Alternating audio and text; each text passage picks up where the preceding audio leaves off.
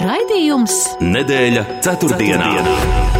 Sabiedrībā zināma cilvēku diskusija par nedēļas aktualitātēm katru ceturtdienu pēc pulksten 17. Nedēļa ceturtdienā. Projektu finansē Mēdīju atbalsta fonds no Latvijas valsts budžeta līdzekļiem. Sveicināti kurzemes radio klausītāji! Klāt oktobris un aizvadīto septiņu dienu galvenais notikums Latvijā, protams, bija 14. saimas vēlēšanas. Vēl aizvadītajā nedēļā politiķi aktīvi debatēja, rīkoja tikšanās ar vēlētājiem, arī rosījās sociālos. Vēlēšanu diena un nakts pagāja gaidot cerīgus vēlēšanu rezultātus, un jāsaka, bija arī pārsteigumi, ko negaidīja ne sabiedrība, ne arī paši politiķi. Oktobra sākums daudziem asociējas arī ar skolotāju svētkiem. Cik skolotāju profesija šodien ir aktuāla un populāra, un vai gadu gaitā ir kaut kas mainījies? Par to palūkosimies, varbūt jā, savās sarunās. Bet starptautisko notikumu lokā, protams, ir karš Ukrainā ar notikušajiem pseido referendumiem un Krievijas valdības pasludinātajām jaunajām Krievas teritorijām, kas starptautiski atzītas, protams, netiks. Eiropas valstu dienas kārtībā ir energoresursu cenu kāpuma ietekmes mazināšana patērētājiem. Tas, protams, ir aktuāls jautājums arī Latvijā. Dažas no tēmām aplūkosim šovakar plašāk, un tādēļ esmu atkal kopā ar raidījumu viesiem, un šovakar raidījumā piedalās Rīgas Stradiņa Universitātes lektore Lelde Metla Rozentāle. Labdien! Labdien! Un TV24 žurnāliste, politiskā komentētāja Anita Daugšte. Labdien! Un ievadam man tāds jautājums. Jā, svētdien Latvijā atzīmējām skolotāju dienu un sākuma skolas un pamatskolas skolēnu mācību stundas. Piektdien vadīja vecāko klašu skolēni. Skolotāji varēja kopīgi pavadīt laiku, priecāties par ziediem, skolēnu apsveikumiem. Jā, arī Leldi, jūs esat lektore augstskolā. Vai arī jums šī ir svētki un kā tas izpaudās jums? Jāsaka, gan, ka laikam augstskolā tās tradīcijas no skolas atšķirās, un tiešām skolotāja diena nu, īsti netiek atzīmēta. Ne tā, ka, teiksim, tikai šogad vai pagājuši gadu, bet es, cik atceros jau, nu, kādus beidzamos 20 gadus jau no sava studiju laika, augstskolā kaut, tā, kaut kā tā īpaši tas netiek praktizēts. Bet es, jāsaka, gan, ka izjūtu skolotāja dienas garu, jo es piekdienā biju aizgājusi pie savas klases audzināšanas audzinātājs Rīgas 6. vidusskolā un apsveicu viņu skolotāju dienā. Tur gan kā skolā ar muzikas novirzienu no rīta spēlēja orķestris un sagaidīja pedagogs ar orķestra mūziku. Un pēc tam pēc dienas beigās bija skolēnu koncerts veltījums pedagogiem. Tā kā var sakot, diena pagāja ļoti tādā svētku pacilātā gaisotnē. Un arī es tad nu, dabūju nedaudz, nedaudz sajust šo skolotāju dienas priecīgo atmosfēru. Jā, Anita, kā jums ir, kas jums ir skolotāja diena un kā jūs to vērtējat? Un jau varbūt arī par to skolotāja profesijas prestīžu šodien, kā tas varbūt mainās. Man mamma visu mūžu nostādājas par skolotāju arī Pēdējā augstskolā, tāpēc skolotāja diena tā ir nu, tāda. Vismaz manā ģimenē katrā gadījumā diezgan, diezgan ievērojams, ievērojams datums kas attiecas uz skolotāju amata prestižu šobrīd. Es nevaru pateikt nekādas receptes attiecībā uz to, kas, tad, um, kas to varētu pacelt un uzlabot. Es um, parasti nepiekrītu tiem, kuri saka, nē, nē, nu, ar to algu to, to nekā neizlabosi. Nu, kopumā tam ir jābūt nevis tādam, um, es domāju, izlabot gan, bet izlabos tādā veidā, ka um, ka kopējais finansējums izglītībai un mūsu gatavība kopumā uz, uh, atzīt izglītību par, um, nu, teiksim tā, varētu teikt, pēc veselības rūp par pašu svarīgāko uh, Latvijas, uh, Latvijas nozaru sfēru un, un, un uh, es domāju, ka tas ir tas, ir tas pats būtiskākais. Un es, es zinu, ka uh, radikāli mainot teiksim, kopā un ārstus, pedagogus. Mums ir tehniskas, tehniskas problēmas, Anita. Varbūt jūs varētu izslēgt kameriņu, varbūt, ka varētu būt labāks signāls jūsu balsī. Bet, ja mēs. Jā, vai mums ir slikts signāls bija, mēs nedzirdējām daļu no jūsu teiktā. Varbūt jūs varat, jā, kameriņu izslēgt un vienkārši runāt audio formātā. Jā, labi, jā, mēģināšu. Jā, tātad par, par, par šo prestīžu, jā, ka to, kā, kā to atjaunot, vai mēs to varam atjaunot un kā tas varētu mainīties. Mēs tā lāgi nedzirdējām. Es domāju, ka to ir iespējams izdarīt tikai pasakot, ka, teiksim, veselība, izglītība un, un drošība, tas ir pats galvenais šajā valstī. Un diezgan būtiski kāpinot atalgojumu visās, visiem šajās nozarēs strādājošiem, turklāt ar atrāvienu uh, no, no, teiksim, tā, no, citām, no citām profesijām. Un tādā veidā mēs varētu nodrošināt to, ka ne tikai labi ir atalgot tie cilvēki, kas šobrīd jau strādā šajā sfērā, bet arī tie jaunieši, kas potenciāli varētu izvēlēties pedagoģu profesiju, viņi varētu pretendēt un, un cerēt uz to, ka šis būs viņu nākotnes darbs, kurš nebūs pakļauts dažādām uh, politiskām peripētijām. Jā, šodien ir interesanti. Šodien saima ir otrajā lasījumā atbalstījusi grozījumus izglītības likumā, un patiesībā man to lasot ir tā, nu, tāds pārdomas par to. Šeit ir paredzēts ieviest regulējumu, kas pedagogus plašāk sargās no skolēnu un vecāku emocionālās un fiziskās vardarbības. Man tas šķiet, ka tam ir jābūt likumā atstrādātam, un tāpat arī plānots nostiprināt to, ka pedagogam tūlītēji nav jāatbild arī uz skolēnu vai vecāku telefonu zvaniem, ziņām vai elektroniskām mēstulēm, ja tās saņem ārpus pedagoģa darba laika.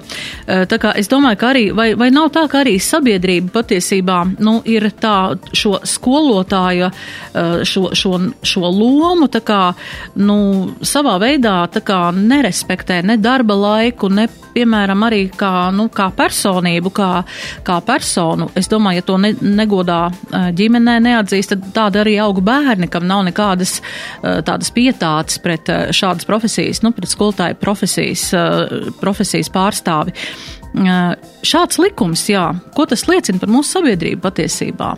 Lelde, kā jūs varētu to komentēt? Es uh, domāju, ka faktiski tas ir no vienas puses traki, ja šādas lietas ir jāatrunā likumā, eh, bet es kā augstskolas pedagogs varu teikt, ka jā, tā ir problēma. Iespējams, ka tā bija nu, tāda apusēji veicināta problēma neatkarības sākuma periodā, kad mēs tā kā pārpratām tos demokrātijas principus nedaudz. Proti, kad eh, demokrātija sāk robežoties ar tādu tā kā visatļautību, kurā, eh, kurā viss ir tāds tā kā pakalpojumu pircējs un pārdevējs, un tad, tad skolēns ir tas pircējs, un viņš var jebkurā brīdī pieprasīt un izvēlēties, kā viņš tur pērk to pakalpojumu. Es domāju, ka šeit uh, ir jānovelk, un augstskolā mums ir izdevies novilkt šīs robežas uh, un skaidri pateikt, ka, piemēram, uh, pedagogs neatbild uz e-pastiem naktī, pedagogs neatbild uz e-pastiem sestdienā, svētdienā, ja par to nav īpaša vienošanās, teiksim, kaut kāds individuāls specifisks gadījums, nu, tā tad diezgan strikti noteikt to, ka mums ir tieši tāpat darba laiks, laiks, un tieši tāpat mēs plānojam un uh, uz rītdienu un uz rīt astoņos no rīta, ja šodien man students iesniedz bakalaura darbu, tad es viņu, ja atkal es saku, ja man nav īpaša vienošanās ar viņu specifiska, tad es uzreiz saku, ka paldies, bet uh, uz rīt no rīta tas nebūs izlasīts. Tā kā, nu, tur ir, tur ir, jā, šī te robeža, un, protams, ka tas ir arī iestādes vadītāja uzstādījums par to, cik viņš ir gatavs aizsargāt tos um, tīri emocionāli savus pedagogus, pedagogus un uh, nostāties viņu pusē un teikt, ka stop, šeit ir tā robeža. Bet, protams, ka ļoti labi, jo dažkārt šī emocionālā inteliģence vienai daļai no mums varbūt pieklibo,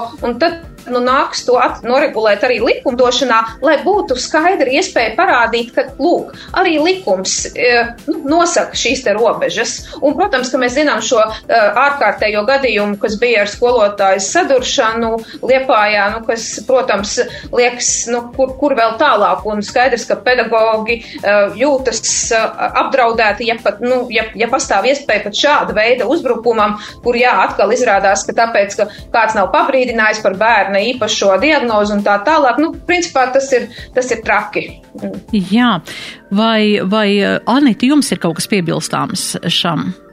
Šim, šim ne, nu, Saimnes, protams, ir rēģējusi uz to situāciju, uz šo pilnīgi nepieļaujamo gadījumu, kas ir noticis Liepājā, bet tās jau ir tādas, es domāju, nu, ka tas ir, tas ir teiksim, tā pēdējais brīdis, kad vispār vajadzēja reaģēt, jo mēs taču nekādā gadījumā negribam nonākt tajā situācijā, kāda ir bijusi, piemēram, ASV vai, vai virknē citu valstu, kur skolēni skolāni uzbrūk, uzbrūk pedagogiem, uzbrūk saviem, saviem vienaudžiem, un tas beidzās ar ārkārtīgi lielām uh, traģēdijām. Es domāju, ka uh,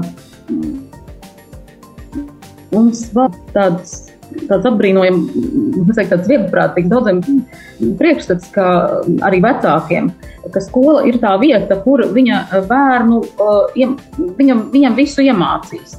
Patiesībā visu iemācīs viņam ģimenē. Un skola ir tā vieta, kas dos viņam konkrētu zināšanu apjomu. Un tāpēc tā paļāvība uz to, ka, ai, nu es viņu tur aizsūtīšu, un tad, lai tie skolotāji tiek galā, nu, manuprāt, tā ir vieglprātīga un absolūti aplama attieksme. Man ir grūti pateikt, kā varētu nu, teiksim, pārliecinoši šo tendenci un situāciju mainīt.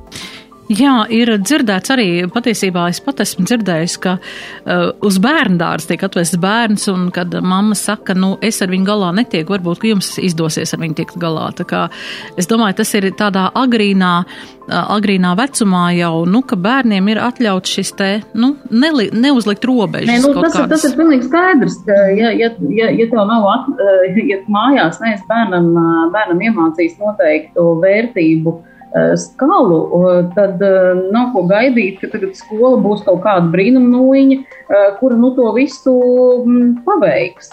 Tas, tas ir, es domāju, ka tās ir naivas, pilnīgi nepamatotas cerības, un daudz no sabiedrībā vēl atļaujas tāpēc vainot skolotājus, ka lūk, viņi neiemācīja.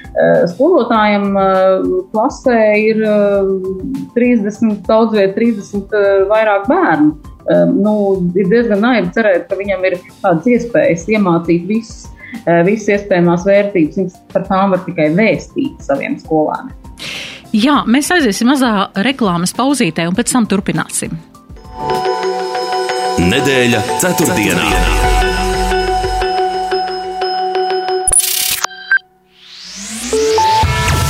Akciju sabiedrība Delta LV veids Volvo kravas auto diagnostiku, remontu un apkopi.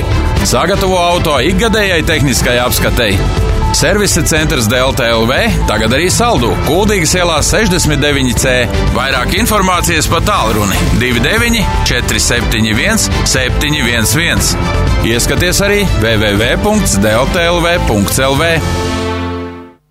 Pasaules spēka vīru čempionāts Talsos. Startautiska turnīra uzvarētājs Dainis Zāģeris kopā ar meža saimniecības uzņēmumu Priedes AG aicina jūs 22. oktobrī 2017. Tāls otrās vidusskolas sporta hālē uz pēdējās piecgades iespaidīgākajām spēku vīru sacensībām Baltijā. Priedes AG pasaules spēku vīru čempionātā piedalīsies Židrunas Savīskas no Lietuvas, Konstantīns Janāšie no Grūzijas, Rongo Kīns no Jaunzēlandes un citi spēku vīri. Biļetes Biļešu paradīze LV, jo priedes var! Zibenīgie piedāvājumi kā senukai. Tikai četras dienas, no 6. līdz 9. oktobrim. Mājas tekstilām, kā arī pannām un pannu vākiem līdz pat mīnus 50%. Kā senukai. Piedāvājumi spēkā arī kā senukai LV. Akcija spēkā kā senukai veikalos un e-veikala Smartnet biedriem. Nedēļa ceturtdienā. ceturtdienā. Un mēs turpinām raidījumu nedēļa ceturtdienā. Šodien studijas viesi Lelde Metla Rozentāli un Anita Daugšte. Jā, runājam par pedagoģu profesiju un par pedagoģu pre profesijas prestižu, bet savu veidu pedagogs un šad tad arī tāda prestiža uh, amata uh, tāds, uh, nu, uh, Nēsātājs, ne, nu, amata izpildītājs ir arī mūsu ministra prezidents vai, nu, vai mūsu valsts prezidents. Un, uh, ir pagājušas vēlēšanas, un mēs esam um, atkal uh, tāda svarīga uzdevuma priekšā izveidot jauno koalīciju un no tās atkal veidot valdību.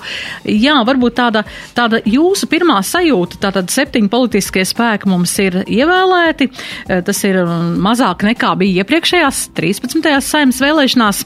Uh, jā, kāds jūs tāds uh, šobrīd skatījums uz šo um, eh, vispār ievēlēto uh, deputātu tādu uh, visu kopumu un uh, cik veiksmīgi varētu izdoties ministru prezidentam jau šā brīža uh, Krišjānam Kariņam izveidot jauno koalīciju. Sākšu Lelde ar jums. Nu jā, kā mēs redzam, tad vēlēšanu rezultāti, kā jūs teicāt, ir ievēlēts varbūt mazāks partiju skaits nekā pat tika sākotnēji prognozēts, tāpēc, ka jāsaka paldies lielajai vēlētāju aktivitātei un tiešām šoreiz vēlētāji godam devās uz vēlēšanām un īpaši jāuzteic arī kurzemes vēlētāji, kuri pat uzrādīja augstāks rezultāts nekā vidēji valstī. Un līdz ar to, jā, tas, tas partiju spektrs varbūt nav tik plašs. Ja mēs runājam par to, kas varbūt ir tāds um, lielākais, um, nu, nevarētu teikt, ka pozitīvs pārsteigums, drīzāk uh, otrādi, ir uh, partijas uh, stabilitāte, nu, panākumi šajās vēlēšanās, aizstājot līdz šim mums zināmo saskaņu, kas tagad salīdzinoši savos uzskatos bija daudz nu, liberālāka vai daudz, teiksim, tāda miermīlīgāka nekā mēs tagad to varam redzēt stabilitātes programmā, proti, kuru sola atjaunot uzvaras pieminekli un Krievu valodu skolās un tā tālāk. Un līdz ar to tas, protams, būs spēks, kas nu, kuram būs jāpievērš uzmanība un ar kuru būs jāmēģina kaut kā sadzīvot. Pārējais varētu teikt, ka labā ziņa ir tā, ka tas populistiskais bloks, par ko bažījās eksperti, ir salīdzinoši neliels ievēlēts parlamentā. Tā arī ir labā ziņa, jo nedaudz populistus, jeb nedaudz citādi domājošos vajag. Viņi samaisa to kopējo, mm, kopējo situāciju, neļauj iesnausties visu laiku tā kā pabaksta vai pakūda, tāpēc, tad, lai, viņi, lai viņi tur ir miers ar viņiem. Nu, zināmā mērā varbūt kādai sabiedrības daļai pārsteigums bija ZZS labie panākumi kopumā Latvijā un arī Kurzemē kur jā, it kā bija tā doma, ka varbūt apvienotais saraksts viņiem noņems tās balsis, bet redzam, ka viņi diezgan, nu, tādā līdzvērtīgā tantēmā ir startējuši, ja mēs skatāmies pēc iegūtajiem rezultātiem. Bet ja mēs pārējām pie tā, kas tad veidos valdību vai kā izskatās, nu, tad mēs zinām, ka šobrīd ir tā diskusija, kas vēl aizvien nav rezultējusies, vai valdība sastāvēs no trīs spēlētājiem vai no četriem spēlētājiem, proti no jaunās vienotības, apvienotā sarakstu un nacionālās apvienības, vai tam visam klāt nāks arī uh, progresīvie. Nu, zinām, ka progresīvie tiek saukti par ideoloģiski nepieņemamiem, atšķirīgiem, citādākiem, un te, protams, ir jautājums, vai tiešām tā ir ideoloģija, vai, nu, respektīvi, vai tās ir uzskatu atšķirības, vai tā ir politiskā cīņa par amatu sadali. Un es gribētu teikt, ka dažkārt uh, tā politiskā cīņa uh, tiek uh, kā, aizklāta ar vārdu ideoloģija vai uzskatu nesaderība. Un es domāju, ka šeit zināmā mērā arī tāda tendence ir novērojama. Protams, ir saprotama apvienotā saraksta vēlme attaisnot savu vēlētāju cerības un parādīt, ka viņi ir daudz izlēmīgāki, daudz eh, tādi spējīgāki, ātrāk rīkoties nekā jaunā vienotība, un tāpēc apzinoties no vienas puses, ka jaunā vienotība, nu, protams, ir šobrīd uzvarējusī partija un ir tā, kurai visdrīzāk premjers arī uzticēs veidot valdību, tomēr apvienotais saraksts ir ieņēmis diezgan stingru pozīciju un nu, šobrīd cīnās par, es teiktu, savu statusu valdībā un to, kādu lomu vai cik būtisku lomu viņi spēlēs. Nu, Nacionālā apvienība, varētu teikt, ka tradicionāli sev mēģina atrast abās pusēs maksimālu izdevīgumu. Jo, ja mēs skat, klausamies debats, tad mēs redzam, ka vienā teikumā viņi saka, ka viņi atbalsta vienotību, otrā teikumā viņi neatbalsta vienotību, bet atbalsta apvienoto sarakstu un ieņem tādu slīdošu pozīciju. Nu, ja mēs runājam par pašiem progresīvajiem, noslēdzot šo komentāru. Tad progresīvie ir izrādījuši diezgan intensīvu vēlmi būt valdībā, bet laikam šī te šobrīd viņiem nav noteicošā uh, balss. Tas drīzāk ir citu lēmums, būs vai nebūs viņa valdībā. Nu, Visdrīzāk, ka, ka diez vai. Vismaz tādā klasiskā formā, kā līdzvērtīgs partners, diez vai.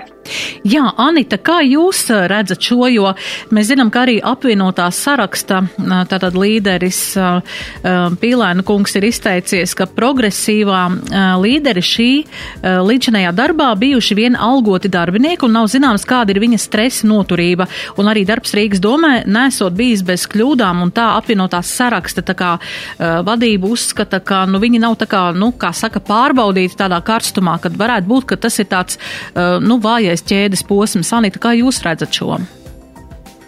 Ne, nu šajā karstumā es teiktu, pārbaudīt nevar arī apvienotā saraksta pārstāvi. E, te jau e, tie ir vairāk trīs politisko spēku pārstāvi, kuru, um, kuru teiksim, kopēja kopdarbs un iespējamā kopējā sadarbība vispār var tikt pār pakļaut tādai ļoti nozīmīgai um, pārbaudē 14. Uh, saimnes uh, laikā. Man patīk jūsu salīdzinājums pašā sākumā, kur jūs teicāt par Kristiānu Kariņu kā pedagogu. Nu, protams, viņu, sa, viņu salīdzināt uh, varēja iepriekšējās valdības laikā ļoti konkrēti ar pedagogu, jo viņš tur bija kā tāds bērnu dārza audzinātājs, kur uh, daži mazuļi ar bīstamām rotaļlietām spēlējis. Nu, daži no tām mazlietiem arī nav nemaz tikuši ievēlēti 14. saimā. Tā kā var cerēt, ka kopumā situācija ir daudz teiksim, tā, uh, labāka. Es varu šeit absolūti piekrist um, Leldei par to, ka tiešām tāds uh, radikālisms ir salīdzinoši mazinājies. Mēs varam runāt tikai par uh, stabilitātei šo te politisko veidojumu, kura panākuma atslēga man nav joprojām līdz galam, līdz galam skaidra. Nu, var, nu, izskaidrot var visu ko, bet, bet es teiktu, ka šobrīd ir, man ir grūti arī iedomāties tieši kādā veidā viņi varētu darboties tās saimnes. Saimnes ietvaros. Tas attiecās uz nākamo koalīciju vai, vai trīs vai četri Nu, tie argumenti, kas tiek lietot, kāpēc progresīvie būtu jāņem koalīcijā, nu, viņi neiztur to um, eh, teiksim, tā, vērtību pārbaudi, kura pārsvarā tiek minēta, teiksim, tā, vai ideoloģija pārbaudi, kura tiek minēta kā arguments, kāpēc tās vai citas partijas varētu strādāt, strādāt koalīcijā. Tas ir punkts viens, punkts divi neiztur arī šo tīri matemātisko sadalījumu, teiksim, to principu, jo nu, 54 balsis tas ir, tas ir pietiekoši ievērojami. Nu, ja tur būtu runa par 51 balsu, tad varētu kaut ko sākt, sākt, sākt pielēties. Uh, Es saprotu, kāpēc jaunai vienotībai ir būtiski panākt um, šo mm, progresīvo klātbūtni, jo viņi ļoti baidās no Nacionālās apvienības un apvienotā saraksta iespējamās bloķēšanos pret, pret uh, jauno vienotību. Proti, ka tas vienādojums, kā tiks strādāts valdībā, būs nevis uh, 26 un attiecīgi 13 un 15, bet 26 pret 28. Es šeit runāju par mandātu sadalījumu. Tā kā jauno vienotību es saprotu, bet es domāju, ka viņi staigā šobrīd diezgan plānu ledu, tāpēc ka šīs saimnes ietvaros. Patiesībā, ja tā pavisam paskatās godīgi, ir iespējams arī citādas kombinācijas valdības, valdības izveidošanai. Šeit nemaz nav tāda situācija kā, eh, kā kāds strupceļš vai vēl kaut kas tam līdzīgs. Jā, ehm, bet kā jums šķiet, eh, nu, labi, tagad Karina kungs ir devies eh, komandējumā ārpus Latvijas un eh, šobrīd, šodien tikās apvienotās sarakstu Nacionālās apvienības pārstāvji savā starpā uz pārunām, bet man bija tāds komentārs nepaskrēja garām, ko lasīja ziņās, ka kāds komentētājs bija teicis, ja nepaņem progresīvos valdībā, tad netiek ievērotas kādu vēlētāju intereses. Tā pašā laikā man bija jautājums, bet vēlētāju interesi jau arī ir visas pārējās ievēlētās partijas patiesībā, uh, kas varbūt arī nemaz nav uh, tik pretrunīgas šai politikai, kāda Latvijā ir. Jā, kā jūs redzat, varbūt jau kaut kāda citu kombinācija, kas varētu veidoties, ja veidotos, ja neizdotos? Leldi, ne, ja mēs zinām šo ideoloģijas, ideoloģijas jautājumu, es neredzu, piemēram, mums taču ir otrais lielāko balsu skaitu ieguvējs ir Zaļo un Zemnieku savienība. Šobrīd tiek teikts, ka viņiem problēmas, tas ir galvenā problēma ir Aivars Lembergs, Jā. un tāpēc viņi nav ņēmumi koalīcijā. Ja mēs atceramies iepriekšējās vēlēšanas, kas notika 18. gadā, tad toreiz arī bija arguments Aivars Lembergs. Lūk, Aivars Lembergs toreiz nebija Zaļo un Zemnieku savienības uh, premjera amata kandidāts toreiz bija Māris Kučīnskis, kurš šobrīd ir ievēlēts no apvienotā saraksta. Bet arī toreiz ZZS nevarēja ņemt, ņemt sarakstā. Un tāpēc mēs atkal atduramies pret to, ka šajās visās sarunās būtiskākais tomēr ir šis amatu un sfēru sadalījums, nevis tas, kam ar ko ir ideoloģisks pretruns. Jā, tā, tas mm -hmm. ir pilnīgi izteikti, Lelda, kā jūs komentējat. Jā. Nu, jā, es par to ZZS ienākšanu valdībā šaubītos no tāda aspekta, ka uh, tad sabruktu apvienotā saraksta, nu, tā kā šis te koncepts, kāpēc viņi vispār izveidojās, jo faktiski apvienotais saraksts izveidojās kā, nu, pret Pols ZZS un Aivara Lemberga vadībai, eh, tad es nevaru iedomāties īsti, kā šie abi spēki varētu pēkšņi sākt tā kā savstarpēji sadarboties. Tur, man liekas, ir ideoloģiski, ja mēs lietojam šo vārdu tādā tautas valodā, tad ideoloģiski vēl lielākas tādas pretrunas savā starpā. Nu, un ko mēs tur vēl ārpus koalīcijas, nu, tā kā tās paredzamās koalīcijas redzam, tad tā ir stabilitāte, protams, kas automātiski, stabilitātei, kas automa, automātiski kā prokrieviska partija izslēdzas no šīs te spēles. Nu, un tad atliek Aināra Šlesera Latvija pirmajā vietā nu, kas pagaidām ir tomēr tā kā arī iezīmēta aizsarkanajām līnijām, bet, nu, te mēs nekad nevaram viennozīmīgi uz šo jautājumu atbildēt, jo iespējams ar kaut kādiem profesionalitātes vai kādiem citiem argumentiem, varbūt arī, vai ne, man grūti teikt, bet šeit noteikti uh, man ir savs subjektīvais cilvēks cilvēciskais viedoklis, bet iespējams, ka politiskajā elitē var notikt arī kaut kādas šādas manipulācijas.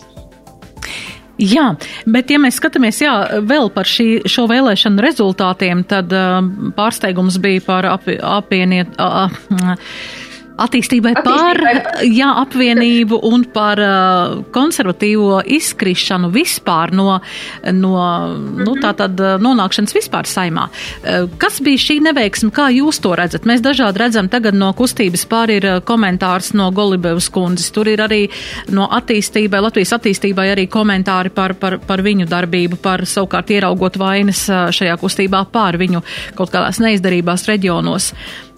Kā, jā, kur jūs redzat šīs neveiksmes, kur tās sākās un kā tas tā izvērtās? Nu, jāsaka, jā. tur laikam ir tāda vesela, vesela ķēde ar dažādiem aspektiem, ko varētu minēt. Nu, sākot ar dažādiem tādiem interesantiem skandāliem, kā tur caurlaižu vai stāvvietas atļauju skandāls. Un, teiksim, nu, tā, ik, ik pa laikam tur kaut kas atkārtojās, azartspēļu jautājums, kas viņiem seko, un viņi saka, ka tas īsti nav pamatoti, bet, nu, viņš minus papēžiem. Tālāk, protams, Protams, ka tie, tās ir ministrijas, tā ir uh, veselības ministrija, Viņķels kundzes demisija, de, atlaišana, šī brīža tiesas process, tieši tāpat iekšlietu ministres Golubevas netikšana galā ar, ar 9. 10. māju un atstādināšanu no amata. Nu, tā tad tur, tur ir vesela, un, protams, ka beigu, beigu beigās šī te ļoti īpatnējā kampaņa, kurā pēkšņi tā tad Pabrika kungs vai vairs nebija viens no valdības un viens no tiem, kas ir strādājis komandā, bet gan kļuva par tādu ļoti agresīvu situācijas kritizētāju. Un tas, protams, radīja tādu nu, nedaudz liekulības sajūtu visā tajā, jo tomēr es saprotu, ka kampaņa ir kampaņa un mēs izmantojam dažādus līdzekļus, bet, nu, tomēr, ja tu visu laiku esi bijis kopā ar tiem cilvēkiem, tad kaut kādas morāla, etiskās vērtības arī bišķiņi, nu, tomēr jāpatur prātā. Nu, savukārt, ja mēs runājam par konservatīvo partiju, tad, ja konservatīvajiem Eh, tad jāsaka, ka tur arī ir vairākas lietas, nu, kas varbūt man šķiet, eh, ka viņi īsti mm, tā arī nenopozicionējās uz vienu vēlētāju grupu vai vienu elektorātu. Viņi ļoti mainīja, viņi sāka ar jūtu strīķi un ļoti tādu nu, skaļu cīņu pret korupciju, kur teica, kā visus liks cietumos un kā būs. Iespējams, tajā brīdī viņiem sāka sekot un par viņiem balsoja nu, nedaudz tāds arī agresīvi, es negribu teikt populistisks, bet tāds interesants vēlētājs, tāds līdzīgs, kuram patīk gobzema izsauku, iz, izsaucieni par, par neliešiem politiķiem un tam līdzīgi. Tad savā darbā viņi palika daudz piezemētāki. Tad viņi jau no konservatīvisma, nu, zināmā mērā atkāpās tik tālu, ka viņi nobalsoja par šo civilās savienības likumu, kas, nu, patiešām jau bija pavisam tālu no konservatīvām idejām, bet pa, pa vidu viņi vēl tapa pa brīžam kristīgi konservatīvi un vēl visādi. Un tā rezultātā sanāca, ka ne vairs tas vēlētājs, kas bija iepriekš par viņiem balsoja, ne īsti bija kāds jauns vēlētājs, jo nacionālie vēlētāji aizgāja uz Nacionālo apvienību vai varbūt kāds aizgāja uz ZZS un kāds aizgāja vēl arī uz vienotību. Un uh, savukārt tie mērenākie vēlētāji, viņi arī izvēlējās starp, teiksim, vienotību vienotību vai apvienoto sarakstu, un sanāca, ka līdz ar to konservatīvie palika īsti bez tā savu vēlētāju, kas būtu tieši viņiem. Es domāju, ka tā bija viena no tām dominējošajām problēmām viņu neveiksmes stāstā. Jā, Anita, jūsu komentārus vēlētos palūgt pēc īsas reklāmas pauzītes. Sabiedrībā zināma cilvēku diskusija par nedēļas aktualitātēm. Nedēļa ceturtdienā. ceturtdienā. Šogad būs silta vai augsta ziema? Nu, tas no katra paša atkarīgs. Tu ko? Laika apstākļus mainīt, esi iemācījies. Nē, bet uz depo gan māku aizbraukt. Tur viss gan apkurei, gan siltumam. Un zemes cenas katru dienu. Nedēļa ceturtdienā. ceturtdienā. Turpinām raidījumu Lelde Metla Rozentāli un Anita Daugšte. Anita, jūsu komentārs, jā, arī varbūt no jūsu skatu punkta konservatīvo un attīstībai par šīs neveiksmes. Nu, Liela nu, pat ļoti labi jau raksturoja um, visus tos faktorus, kas ietekmē šo eh, partiju neveiksmes uh, vēlēšanās. Um, attīstībai uh, par um, nu, nosacītu mēs varam teikt, uh, un tā saka paši. Uh, jā, mūsu uh, vēlētājs sodīja par reformu veikšanu, bet es varu teikt to, ka vēlētājs patiesībā ir ir ļoti gudrs. Viņš nesoda tīri par reformu veikšanu, viņš soda par neveiksmīgām reformām. No attīstībai par šī gadījumā cilvēku novados, es domāju, ja kas attiecās uz Latvijas attīstībai, um, es domāju, diezgan kritiski paskatījās, vai kaut kas ir uzlabojies pēc novada reformas viņu um, attiecīgajā apdzīvotajā teritorijā. No otras puses, uh, nu, mēs zinām visu, visu Covid laiku, un, un mēs zinām to, cik ļoti daudz cilvēku tomēr kaut kādā ziņā cieta no tiem ierobežojumiem, kas bija saistīti ar, ar, še, ar šo Covid, un mēs zinām, ka veselības nozara atradās tieši mm, par partijas, partijas rokās, un es domāju, ka šis ir arī arī viens no tādiem faktoriem, kas, kas, to, kas to ļoti ietekmēja. Turklāt jāņem vērā, ka Latvijas sabiedrība, viņiem arī tās liberālās, liberālās vērtības, bet liberāļu, tādu izteiktu, izteiktu liberāļu Latvijā nemaz nav tik daudz. Latvijas sabiedrība ir diezgan konservatīva. Un ja šajā gadījumā to viņu liberālo daļu paķer un lozungu paķer progresīvie, kas ir tāda, nu, tā kā tādām jaunākām sejām, turklāt kaut kādā ziņā vēl radikālāki nekā nekā attīstībai par, tad, tad viņiem vienkārši nu, nu īsti nekas, nekas nepaliek, un viņi paši to jūta. Tāpēc jau viņi pieprasa sarakstu sāka veidot tā dīvaini. Viņi paņēma Danilānu, kungu, dakteri, viņi paņēma Andri Lielo, viņi mēģināja kaut ko tur sačamāt, nu tā, gan jau, gan jau cilvēki tur mums kaut kā nobalsot. Nu, kas attiecās uz konservatīviem divu faktoru, protams, es pilnīgi piekrītu tam, ka viņi pēc jūtas strīdas nāves tā, ka zaudēt jaudu, viņi zaudēja protestējošu elektorātu, kurš e, tiešām bija ar tādu revanšistisku attieksmi un vēlmi. Nu, tagad mēs te visiem parādīsim, visus saliksim cietumā un visus sodīsim.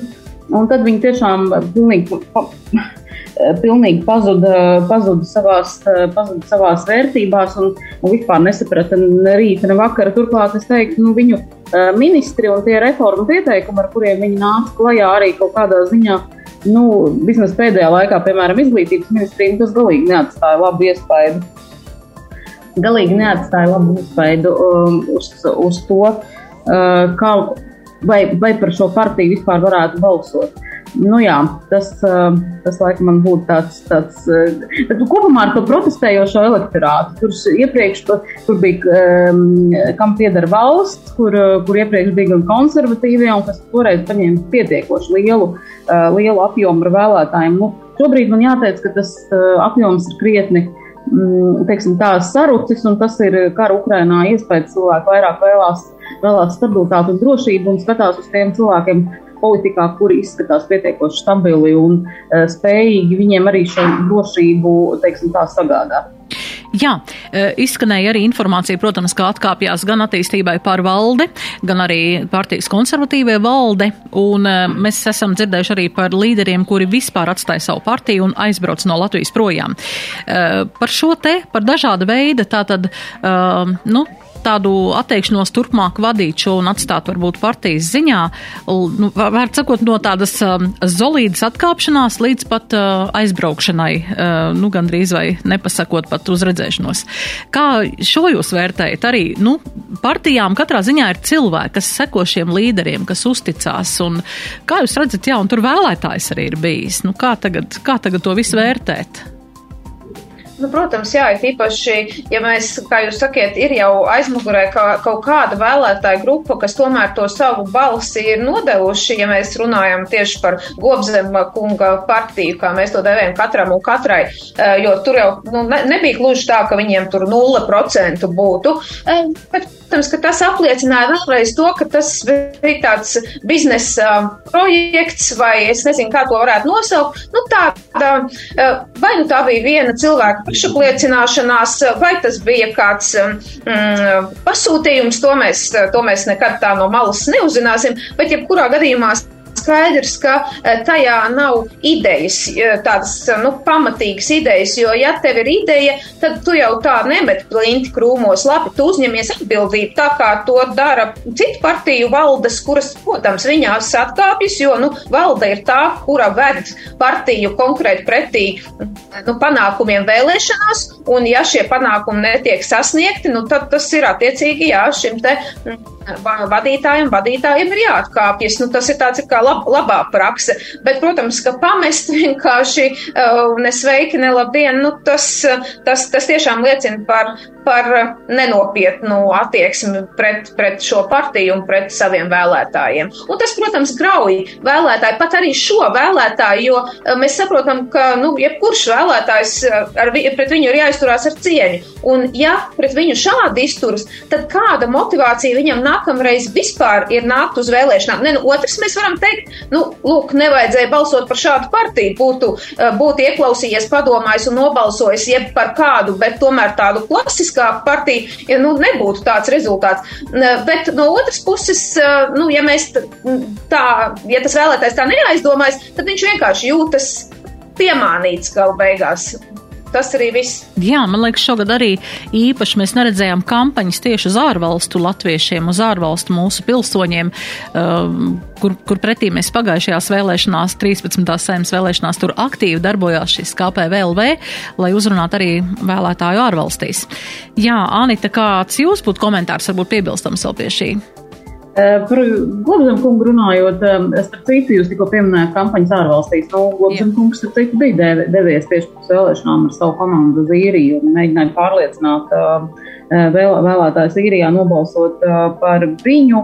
Ņemsim vērā, ka bija diezgan pagrūti nobalsot šobrīd ār, ārvalstīs, jo bija samazināts iecirkņu, iecirkņu skaits, un tas cilvēkiem varbūt īri, nu, to, to mēs nevarētu tā izvērtēt. Šis, um, ka šis viennozīmīgi ir teiksim, tā, nu, nevēlēšanās balsot, bija vienīgais iemesls, kāpēc tie cilvēki arī nenobalsoja. Um, nu, jā, nu, atkāpšanās, jā, tas, tas tiešām ir cienījama, cienījama rīcība no politiskā viedokļa, atbildība ir jāuzņemas. Nu, nebūsim, teiksim tā, pārāk. Kā lai tas naivi romantiski attiecībā uz atbildības uzņemšanos uh, politikā. Uh, ja mēs paskatīsimies uz to listi, cik pēc šīm saimnes vēlēšanām saņems kādu finansējumu, saņems attiecīgās politiskās partijas, kas ir ieguvuši vairāk par diviem procentiem, mēs redzam diezgan pieklājīgas naudas summas.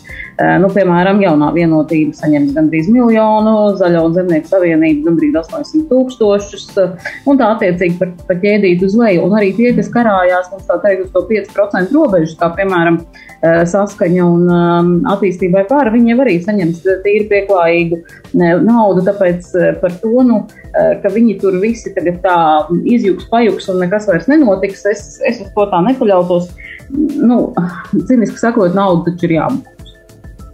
Bet no otras puses, varbūt labi, ka viņi neizjūgs, jo atkal tas ir tas stāsts par to, ka katrai jau tai partijai ir kaut kāds vēlētājs aizmugurē, un ja viņas visas izjuktu, nu, tad, tad, tas, tad tas vēlētājs būtu pavisam apjucis. Tagad viņam vismaz liekas, ka nu, kaut kāda nākotnes perspektīva ir. Un es domāju, ka tā, tādam jokam beigās teica, ka ļoti interesants par, partija tests bija tieši komentāri vēlēšana naktī, kā kura partija reaģēja uz savu zaudējumu, kas vainoja masu mēdījus, kas vainoja negudro sabiedrību sabiedrību un tā tālāk. Un tad jāsaka, ka gods, kam gods um, partijai saskaņa, lai ko mēs par viņu kādās situācijās teiktu, viņa vienīgie vēlēšana naktī saglabāja seju un uh, neiz, neizpauda šīs emocijas, jeb sāpes par savu zaudējumu, lai gan viņiem tās noteikti bija gana spēcīgas. Tā kā es domāju, ka mums ir arī jāaudzē partiju šī te nu, emocionālā noturība, par ko runāja arī šīs valdības veidošanas kontekstā, un jāmāc politiķiem noturēt seju arī tad, kad tu esi zaudējis. Jā, mums ir, diemžēl, laiks raidījumam iztecējis. Vēl gribējās parunāt par dezorientēto mm, tieši krievalodīgo vēlētāju, jo šobrīd bija trīs partijas, pie tam um, ievēlot stabilitāti, parādoties vispār nosaukumam stabilitāte. Daudz cilvēku prasīja, kas tas vispār bija, kas bija stabilitāte. Un mēs zinām, ka viņi pārsvarā bija tā kā internetu vidē, bija viņu reklāmas izvietots, bet vēlētājs, kas nav interneta, tā kā vairāk patērētājs, nu viņam galīgi bija pagājis garām šis te uh, politiskais spēks un viņa izpausmes. Tā kā, tā kā jā. Paldies jums par komentāriem un par veltīto laiku mūsu raidījumam. Un tiešām, lai tā nemanot paiet atlikusī darba nedēļa un lai lielisks šīs rudenīgās brīvdienas, šodien brīnišķīgi vējš dzenā lapas pa pilsētām, kā mēs runājam pirms, pirms raidījuma un baudīsim skaisto rudeni. Un turpināsim, protams, sekot līdzi arī notikumiem mums apkārt. Tātad šodien sarunājos ar Rīgas Stradiņa universitātes lektori Leldi Metlu Rozentālu. Paldies jums! Labvakar. Un arī ar TV24 žurnālisti, politisko komentētāju Anitu Daugšti. Paldies, Anita! Jā, Jā, pie skaņu pults bija mana kolēģe Adelīna Anna Ziemele, radījuma producente Anda Andersone un radījuma vadējs Daci Blūma un uz tikšanos turpmāk. Raidījums Nedēļa ceturtdienā. ceturtdienā. Sabiedrībā zināmu cilvēku diskusija par nedēļas aktualitātēm katru ceturtdienu pēc pulksten 17. Nedēļa ceturtdienā. Projektu finansē Mēdīju atbalsta fonds no Latvijas valsts budžeta līdzekļiem.